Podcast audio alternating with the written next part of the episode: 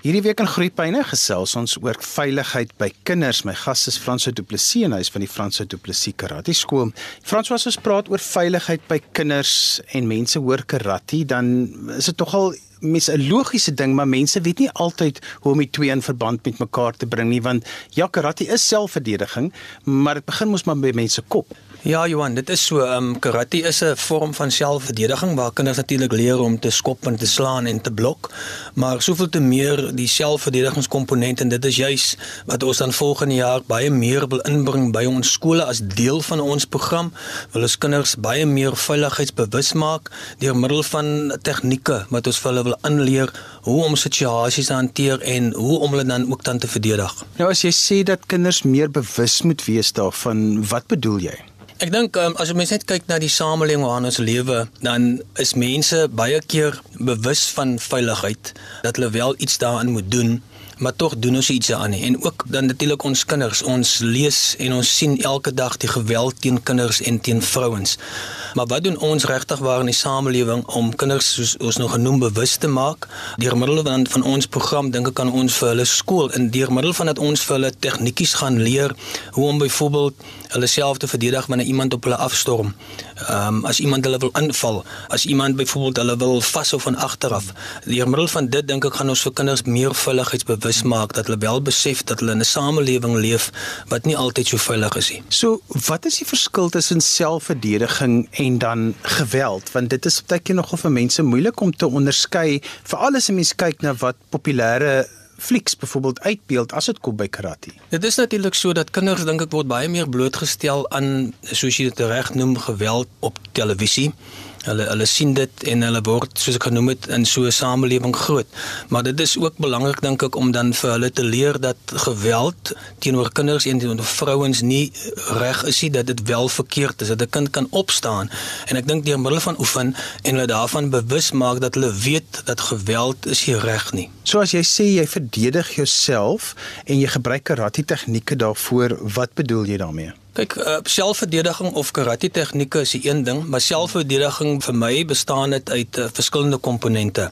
So selfverdediging is om bewus te wees van jou omgewing en dit het nou niks te doen met die fisiese sy van as iemand op jou afstorm nie, maar om te weet waarna om te kyk as 'n mens by 'n winkelsentrum uitloop of dat 'n kind kyk wat is veiligheid by die huis. Dit is nou nie soos ek genoem soos jy aanvalle nie, maar dan leer ons ook vir hulle natuurlik die verskillende scenario's, gevaarlike situasies wanneer iemand hom aanval, 'n voorbeeld as iemand 'n kind aan sy nek gryp byvoorbeeld, wat om te doen in so 'n situasie. Maar selfverdediging begin al lank al voor hy tyd om ook dan vir die kind te leer om rond te kyk wanneer hy saam met mamma in die motor ry, daar waar hulle parkeer, wanneer hulle in 'n winkelsentrum instap. So al daai verskillende scenario's gaan ons met kinders begin doen dat as jy met jou kind na 'n winkel toe gaan, dat 'n seentjie van 6 of 7 vir sy ma kan sê mamma Moenie daar parkeer nie. Dit lyk nie veilig nie want ek sien daar's 'n oom wat daar teen die muur lê. So allerhande sulke goedjies gaan ons met kinders begin doen om hulle dan ook bietjie meer te bemagtig. So as 'n mens hierdie bewussyn by kinders kweek en jy begin met hulle daaroor gesels, mens wil ook nie hê kinders moet 'n vreesbevange lewe hê nie. Mens wil hê hulle moet bewus wees van die gevare. Hulle moet weet wat om te kan doen in sulke situasies, maar jy wil nie hê hulle moet die hele tyd net die omgewing skandeer om te kyk maar waar is ek in gevaar, want jy wil hê kinders moet nog kinders wees. Dit is regtig baie baie belangrike punt en in ons voorskoolse karate program vind baie van die aktiwiteite wat ons vir kinders leer in die vorm van spel plaas. Ja, dit is baie belangrik. Ons wil tog nie kinders nou paranoïes maak en bang maak en vreesbevange maak nie. So baie van hierdie goed wat ons gaan doen, gaan ons in die vorm van spel doen. So dit gaan nog steeds vir hulle lekker wees, maar daar gaan tog ook 'n ernstige komponent wees sonder dat die kinders nou moet bang raak oor spesifieke situasies. Hierdie jaar het ons al so klein bietjie die waters getoets in van ons klasse en van hierdie goedjies toegepas en dit regtig waar baie goed gewerk en ons het nie eintlik opgetel dat kinders bang raak nie. Hulle doen dit in die vorm van spel. So hulle dink baie keer dit is nog 'n speletjie, maar tog met 'n bietjie ernstige sy daar as 'n vreemde oom nou met my praat of 'n vreemde oom wil my nou optel, dan uh, kinders is regtig waar baie oulik om dit nogal te identifiseer identifiseer het ons agtergekom. Iets wat hierdie jaar nogal baie in die nuus was, is ook die ontvoering van kinders waar dit legtig mense is wat hulle eintlik normaalweg se vertrou het en dan stap hulle met hulle uit by 'n restaurant of so. Dit is tog iets waaroor 'n mens met kinders moet gesels want ons kinders is baie keer net so naïef en ouers ook. Ek dink dit is regtig 'n belangrike punt ook wat jy noem Johan is dat ons vir kinders ook bewus maak van dit. Ehm um, net 'n voorbeeld wanneer mense um, na 'n inkopiesentrum toe gaan of na 'n restaurant en die kind loop eenvoudig na die toilette alleen. So sulke goed kan mens eenvoudig net nie meer aan die einde van die dag doen nie. So ons het ook 'n hele klomp goed wat ons gaan doen met kinders om dit te identifiseer ten opsigte van hulle veiligheid wanneer hulle na 'n restaurant toe gaan of na 'n inkopiesentrum.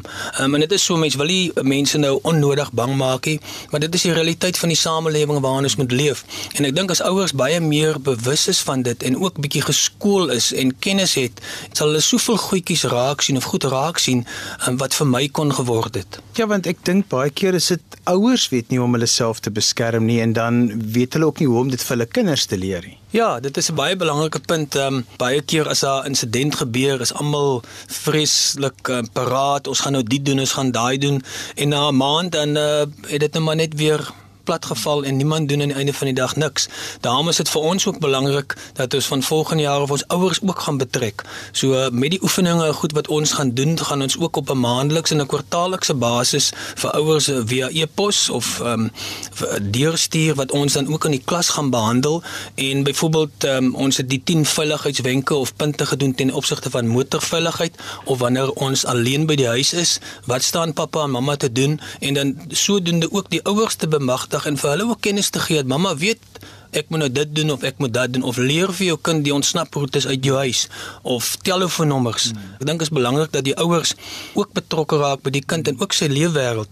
En 'n ander belangrike punt is dat ouers die aktiwiteite wat ons met die kinders doen, dan een keer 'n kwartaal sal ons vir die ouers ook nooi en dan sal ons nou sê, okay, ons het uh, mamma en pappa waar hulle dan saam met die kleintjie byvoorbeeld die goed wat ons inoefen dan saam met hulle kan oefen. Wat gaan vir ons deur van die punte van veilig wees in 'n motor? Ek dink belangrik uh, wanneer dit kom by 'n motor, veiligheid is natuurlik daar's honderde punte, maar belangrik soos 'n uh, punt moet nooit op jou passasierssitplek enige iets visueel los nie. Dit is baie belangrik ons almal ken dit, maar tog doen ons dit ook almal. Kyk byvoorbeeld om jou rond. Wanneer jy na 'n robot toe kom, moet byvoorbeeld nie te na aan 'n ander motor stop nie. Dis baie belangrik want wat baie keer gebeur is, mense hok jou in en jy sal nie uit jou motor uit kan kom nie. Wanneer jy aangestap na jou motor toe kom, as jy uit 'n winkelsentrum uitstap, kyk waar het jy geparkeer? Kyk wie het miskien langs jou geparkeer? Wie staan naby die motor? Wanneer jy jou motor byvoorbeeld nader voordat jy in jou motor klim, kyk eers wat is in jou motor. Want baie keer wat al gebeur het wanneer dit kom by die ontvoering van mense en kinders, is al reeds iemand binne in jou motor. Kyk wie langs jou geparkeer het. Langs langs jou motor staan byvoorbeeld 'n groot uh, bussie. So uh, maak seker as jy uit jou motor uitklim, is jou motor gesluit. Moenie net die die knoppie druk en wegloop nie. Druk dit wel, maar voel of jou deure gesluit is. So dis maar 'n paar van die basiese punte, maar daar's nog verskeie. So as 'n mens dan jou kinders by hierdie wil betrek, Franswa, dan moet 'n mens seker met hulle hieroor gesels en deur dit met hulle praat sodat hulle kan weet want dit moet amper so half gemodelleer word in hulle dat dit deel is maar van elke dag se leef en veilig wees. Ja, ek dink so, um, ons ondervinding met kinders wanneer mense daaroor praat en uh, ons noem vir hulle dat ons hierdie goedjies gaan doen, dan is hulle verskriklik opgewonde. En ons ondervinding is dat kinders dit um, hierdie jaar vreeslik geniet het. Hulle is elke klasie vreeslik opgewonde. Hulle wil altyd net bietjie meer weet en bietjie meer goedjies kan doen en hulle gaan dan selfs huis toe en vertel vir mamma en pappa en wat lekker is van hulle teruggekom na ons toe gesê o, goed ek het hierdie tegniek of hierdie beweging het ek saam met mamma en pappa geoefen wat hulle nie geken het nie. So die kinders het huis toe gegaan en vir mamma en pappa ietsie gaan leer. Iets wat ek onlangs nogal baie interessante goed oor gelees het is die feit dat hulle al hoe meer vir kinders wat hulle self skuldig maak aan boelie gedrag, nie noodwendig die kinders wat hulle moet verdedig teen boelie gedrag nie, maar die kinders wat boelies is, blootstel in karate omdat dit juis sulke wonderlike maniere van doen by hulle aanleer en dit help kinders wat boelies is om hulle energie reg te kanaliseer. Ja, ek dink wanneer dit natuurlik kom by uh boelie gedrag, weet ons dat uh 'n boelie of wanneer 'n kind boelie is dit maar net 'n uh, teken iewers van 'n simptoom iets wat gebeur het en dan gebeur dit maar byvoorbeeld by die skool, maar wanneer ons dan terug gaan kyk, sal dit altyd wees wat 'n kind miskien sy eie omstandighede of ongelukkigheid by die huis of dalk 'n swak selfbeeld.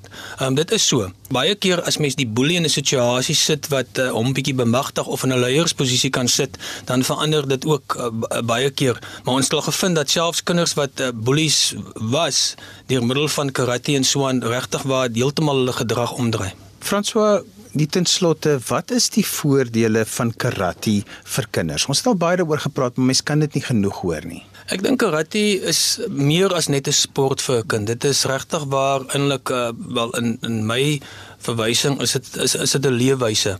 Dit leer vir kinders dissipline, dit leer vir hulle respek, deursettingsvermoë, omgee vir ander mense. Dis al hierdie woorde soos al voorheen genoem het uh, waaroor ons kan praat, maar dit is goed wat 'n mens regtig waar vir kinders moet aanleer.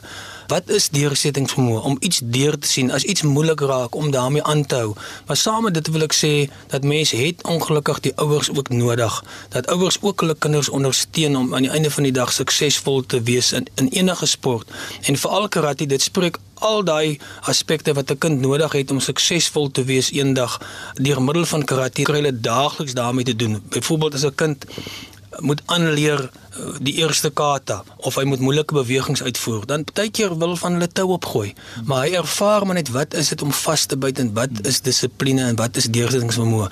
Maar tesame met goeie oulike ondersteuning kan so 'n kind regtig waar hoë hoogtes bereik. Ja, en dan daarmee saam is dit daai selfverdediging, die veiligheid van kinders want jy kan jouself verdedig as jy die regte tegnieke het. Ja, verseker, ehm um, alhoewel baie van die goedjies wanneer dit op voorskoolse vlak kom in karate sal mense weet is baie herhaling om tegnieke te bemeester, maar deur middel van selfverdedigingskomponent leer kinders voortdurend nuwe goed, nuwe bewegings, nuwe scenario's sodat hulle aktief betrokke bly en dat dit vir hulle lekker moet wees.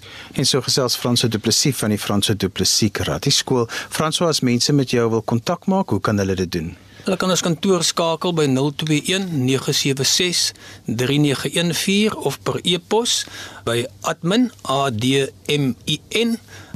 fdip karate die woord k a r a t e.co.za En so gesels Franso Du Plessis. Ons gesels vandag oor wat maak ek aan die einde van graad 9 met my kind? Daar's soveel opsies, maar aan die een kant wil ek die beste vir my kind hê, maar daar's ook soveel opsies oor wat is die beste vir ons land? Daar's soveel vaardighede tekorte en ek as 'n ouer kan ook 'n rol daarin speel. My gas is Stoffel Gosen en hy's van die Kiro groep en hy bestuur die NCV Colleges van Kiro. Stoffel, mense moet begin anders dink oor graad 9 en wat dan gebeur na graad 9 want tradisioneel soos ons altyd gedink het werk nie eintlik met die gee gou vir ons die konteks. Johan dis reg. Um, ek dink om mee te begin begin eintlik alles voor graad 9. Ek dink ouers moet begin om gouer aandag te skenk aan uh, hoe beplan hulle vir 'n kind se skoolloopbaan na graad 9. En ons is geneig om by graad 9 te kom en dan bietjie krisisbestuur te doen, nie vakkeuses te doen. Ouers moet gouer begin kyk na hulle kinders so rondom graad 7 se kant. Begin kyk as jou kind meer akademies aangelê of as jou kind miskien meer prakties aangelê en dan rondom dit advies te kry van deskundiges en te besluit as ek in graad 9 kom, ek moet nou besluit te maak, wie is my kind? Wat is dit wat my kind nodig het? Wat is die beste vir my kind? En dan moet ons gaan kyk na die na die moontlikhede wat bestaan. Want soveel dis nogal belangrik, die velde waarin ons werksmag nodig het, waarin ons mense nodig het om ons die werk te doen, daardie velde kry nie genoeg mense nie. Daar's daar's geleenthede, maar hulle kry nie genoeg mense nie. Dis 'n groot probleem vir Suid-Afrika. Verduidelik gou vir ons hoe werk die vaardighede tekort gedeelte van wat ouers raak. Johan, net om 'n perspektief te sit, daar's 50000 intreewerke vandag in Suid-Afrika, uh, goeie intreewerke en almal dieselfde vereiste vaardighede. En die velde waarin dit hoofsaaklik bestaan in Suid-Afrika is in rekenaars, finansies en ingenieurswese. Dit maak omtrent uh, 100% van daai 50000 geleenthede op. Met ander woorde, ouers moet begin sê as ek my kind na matriek 'n geleentheid wil gee om in die werksplek in te gaan. Watter spesifieke vaardighede moet ek my kind help om te kry?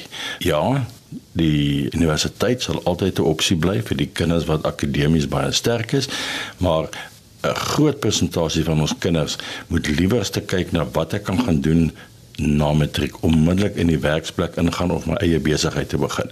Maar die geleenthede vereis almal vaardighede en daarom moet ouers tyd spandeer om uit te vind watse vaardighede is nodig in die werksmark en hoe help ek my kind om daai vaardighede te kry. Want baie ouers dink dat as sê my my kind wil grafiese ontwerp gaan doen, dat die enigste manier is maar om dan 'n matrieksertifikaat te kry en dan na 'n plek toe te gaan om dit na skool te gaan studeer nog verdere 3 jaar en dan kan hy nou die wêreld van werk ingaan. Maar daar's ander opsies. 'n Mens kan ook begin kyk na daar's eintlik verskillende soorte matriek wil ek amper sê. Johannes heeltemal reg. Een van die triks as as soos jy dit nou noem, is 'n vaardigheidsmatriek. Ehm um, of die Engelse naam is National Certificate Vocational of soos jy nou net gesê het, die NCV. Die kwalifikasie is 'n kwalifikasie op sy eie en hy word aangebied in parallel met gewoonlik graad 10, 11 en 12. Maar wat dit 'n goeie kwalifikasie maak as 'n voorbeeld is dat as jy hierdie beroepsgerigte kwalifikasie doen, dan is daar 19 verskillende spesialiseringsvelde waaruit jy kan kies. En as ons sê spesialiseringsvelde moet ons ook verstaan dis wyd. Met ander woorde, informasie-tegnologie en rekenaarswetenskap is 'n veld dan is daar ingenieurswese en verwante ontwerp. Uh, daar's finansies, ekonomie en ehm um, rekeningkunde. Dis almal spesialisvelde. En wat hierdie kwalifikasie dan anders te doen as die gewone matriek is jou kind spesialiseer absoluut in daardie veld wat hy of sy gekies het en nie in algemene vakke waarmee hulle dan 'n wye keuse kan maak vir universiteit nie. As jy woorde gebruik soos rekeningkunde en ingenieurswese en uh, programmering, dis alles goed wat mense altyd dink maar jy moet 'n graad hê daarvoor. Wat so lekker hiervan is as jy weet jou kind stel belang in hierdie rigting, dan kan jou kind al baie vroeër daarin begin spesialiseer al op skoolvlak besluit, maar ek wil nie hierdie ander vakke hê nie. Ek wil vakke hê wat lei tot my loopbaan. En dan het hy eintlik baie lekker keuses om alreeds in graad 10 en net na graad 9 eintlik te begin om hierdie te kies in sy loopbaan te begin vorm. 100% korrek Johan en ek dink kom ons vat nou maar informasie tegnologie en rekenaarswetenskap en uh, ons kyk na hoe wyd dit uh, eintlik is. Dit is nie jou kind wat net agter die rekenaar sit en speletjies speel nie. Dit is nie jou kind wat net agter die rekenaar sit en aan een of ander dokument werk nie. Die geleenthede in daai spesifieke veld is so wyd. Daar's geleenthede in film, uh, daar's geleenthede in grafiese ontwerp, daar's geleenthede in klank tegnologie. Daar is 'n wye hoeveelheid geleenthede wat spesifieke rekenaarvaardighede vereis en dit is waarom dit dan gaan om matriek klaar te maak en jy het maar uh informasie tegnologie as 'n vak gedoen en 'n bietjie programmering gedoen. Ja, dan moet jy eers na sy tyd toe gaan om genoeg kennis en genoeg vaardighede te kry. Maar as jy nou iets soos die NCV doen, dan word daar vir jou soveel vaardighede geleer in daai graad 10, 11 en 12 jaar dat jy enige rekenaar of informasie tegnologie verwante werk kan gaan doen. En die veld is werklik wyd. Ons kan die hele dag net praat oor hoe wyd die veld is. En dit is wat ouers moet begin doen is om te sê maar ek kan sien my kind stel belang in rekenaars om met rekenaars te werk en goed op rekenaars te doen. Maak nie saak wat hy daarop doen nie. En om dan uit te gaan en te sê okay maar hoe wyd is hierdie veld? Watse geleenthede is daar vir my kind? En dan om terug te gaan na jou kind en te sê maar van al hierdie goed wat is die goed wat vir lekker is?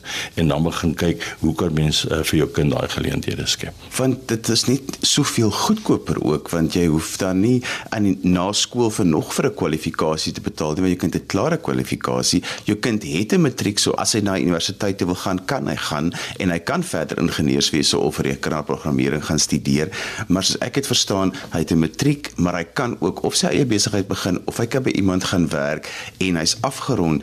Nou die ander ding wat vir my so interessant is hierdie tyd van die jaar dit is mos nou maar rapporte tyd dan kyk 'n mens na jou kind se rapport dan is mos altyd die een vak wat 'n mens so moet rooi wil omkring en dan is gewoonlik maar die kind se reaksie ek stel net niks daarin belang nie. Hy moet nou maar hierdie vak doen. In hierdie vak sleep hy deur tot matriek en dit rem hom amper 'n bietjie. Hierso kan 'n mens so 'n bietjie anders te begin dink as 'n mens nou 'n meer loopbaangerigte matriek in gedagte het, want dit is net so moeilik soos 'n gewone matriek. Dis 100% korrek Johan en weer eens uh, as ons net kyk, ons het nou hierdie jaar ons eerste groep gehad waarmee ons die NCW gedoen het in in Kora.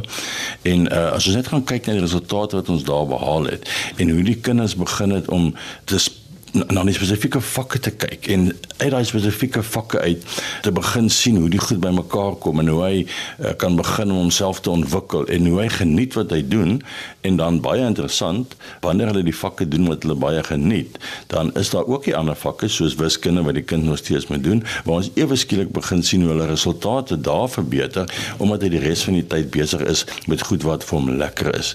Dan pas hy homself aan en dan hou hy maar 'n bietjie meer van die wiskunde ook lyk dit vir ons op hierdie stadium. Maar jy is heeltemal reg. Ehm um, dit is 'n verandering wat ons almal moet maak. Is dat ons is gewoond aan mens gaan deur matriek. In die ideale plek na matriek is jy gaan universiteit toe, maar uh ons as ouers moet begin besef dat daar ander opsies is. En hoe verder ons vorentoe gaan, hoe meer gaan ons agterkom dat hierdie idee van maak matriek klaar, gaan universiteit toe, so hier by 21 22 is die eerste keer wat jy in die werksmark kan ingaan is nie hoe die wêreld is nie dis nie hoe die wêreld meer daarna kyk nie en ons in Suid-Afrika moet aanpas. Ons moet sê my kind kan op 'n ouderdom van 18 reeds in die werksplek ingaan met vaardighede wat hy aangeleer het in sy skoolloopbaan. Nie na sy skoolloopbaan nie. En uh, dit raak al hoe meer en meer toepaslik in ons in Suid-Afrika in die uitdagings wat ons het rondom vaardigheidstekorte en ook rondom die geleenthede om werk vir jouself self te kry van 'n jong ouderdom af. So vir mense besef nie altyd dat Suid-Afrika eintlik nou vir die eerste keer in lyn is met wat ook in die wêreld gebeur want hierdie tipe opleiding is wat wêreldwyd gebeur waar mense bietjie vroeër besluit in watter rigting hulle wil ingaan juis sodat hulle op 'n sekere ouderdom bietjie vroeër in die werksmag kan ingaan en ek dink dit is nogal iets wat ouers moet oorweeg vir alles hulle kinders het wat gefrustreerd is met die vakkeuses wat nie met hulle eie belangstelling um, kan belei nie. Johan, as ons met mense praat uh, oor see, dan is hulle eintlik verstom dat ons matriek of ons eerste 12 jaar van onderwys nog so generies is soos wat dit nou is. Lande in soos Duitsland, Australië en verskeie ander lande in die wêreld uh, is al reeds besig om hierdie meervaardigheid en beroepsgerigte skoolloopbane te implementeer vir jare al. So hulle kyk ons half snaaks aan as ons vir hulle sê, nee, maar ons doen nog eers hierdie generiese ding tot uh, die kind 18 is en dan begin ons spesialiseer. So ja, die res van die wêreld doen dit steeds. Ons moet aanpas daarbey. Dit is nou nie hoe ons histories gekyk het na ons kind se skoolloopbaan nie, maar ek dink ouers moet begin om daai verantwoordelikheid te vat en te sê, daai tyd is verby. As ek my kind die regte geleenthede wil uh, gee, dan moet ek op 'n jonger ouderdom begin kyk en konsentreer op wat is hulle my kind in belangstel en dan die verantwoordelikheid wat om te gaan kyk na wat se geleenthede is daar.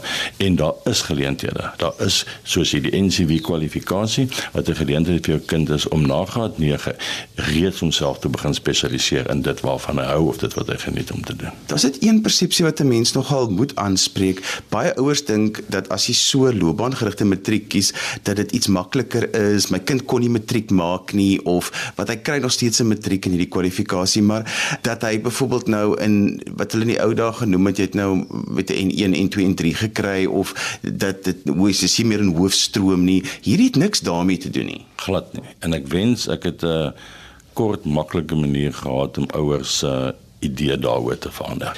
Dit is glad nie uh, hoe dit werk nie. Ehm um, die kind spesialiseer op so 'n hoë vlak en dit wat die kind leer word so prakties aangebied dat ons nie eers daai kwalifikasie kan inpas in 'n gewone skooldag nie. Ons skooldae is langer om die kind daai praktiese vaardighede aan te leer. Is ons skooldae basies van 8:00 in die oggend tot 5:00 in die middag, dit hang nog maar waar ons is en en wat die spesifieke kwalifikasie is hoe ons dit in die skooldag inpas. Maar ja, dis definitief nie makliker as 'n gewone uh, nasionale senior sertifikaat nie en is definitief ook nie van 'n laer standaard nie. Die twee is op dieselfde standaard. Jy kan met al twee daai kwalifikasies basies byvoorbeeld na universiteit toe gaan. En daarom sover die regering aangaan is dit op dieselfde vlak. Stoffel, as mense meer inligting wil hê of is dalk iets is wat ek wil oorweeg vir my kind, hoe kan ek meer inligting kry? Johanna, jy kan ons kontak, um, hulle kan my kontak. Um, ek weet party ouers se kinders is jonger en dis nie reg nou vir hulle besluit nie, vir ander is hulle besluit, maar miskien is dit maar die beste as hulle vir my 'n e-pos stuur en vir my sê, "Stoffel, dis my situasie met my kind, waarna kan ek kyk? Waar is daar geleenthede?" Ek sal antwoord soveel as wat ek kan. Uh, ek besluit te veel keer dan raak dit nou 'n bietjie moeiliker, maar ek is heeltemal gelukkig dat hulle vir my 'n e-pos stuur. My e-posadres is uh, stoffel.g, so dis s t o f e l.g by kuro c i r r o .co.za. En daarmee groet ons dan vir vandag. Onthou jy kan weer van vandag se program luister as 'n potgooi. Laai dit af by rsg.co.za. Skryf gerus in my e-pos by groeipyne@rsg.co.za. daarmee groet ek dan vir vandag. Tot volgende week van my Johan van Lille. Totsiens.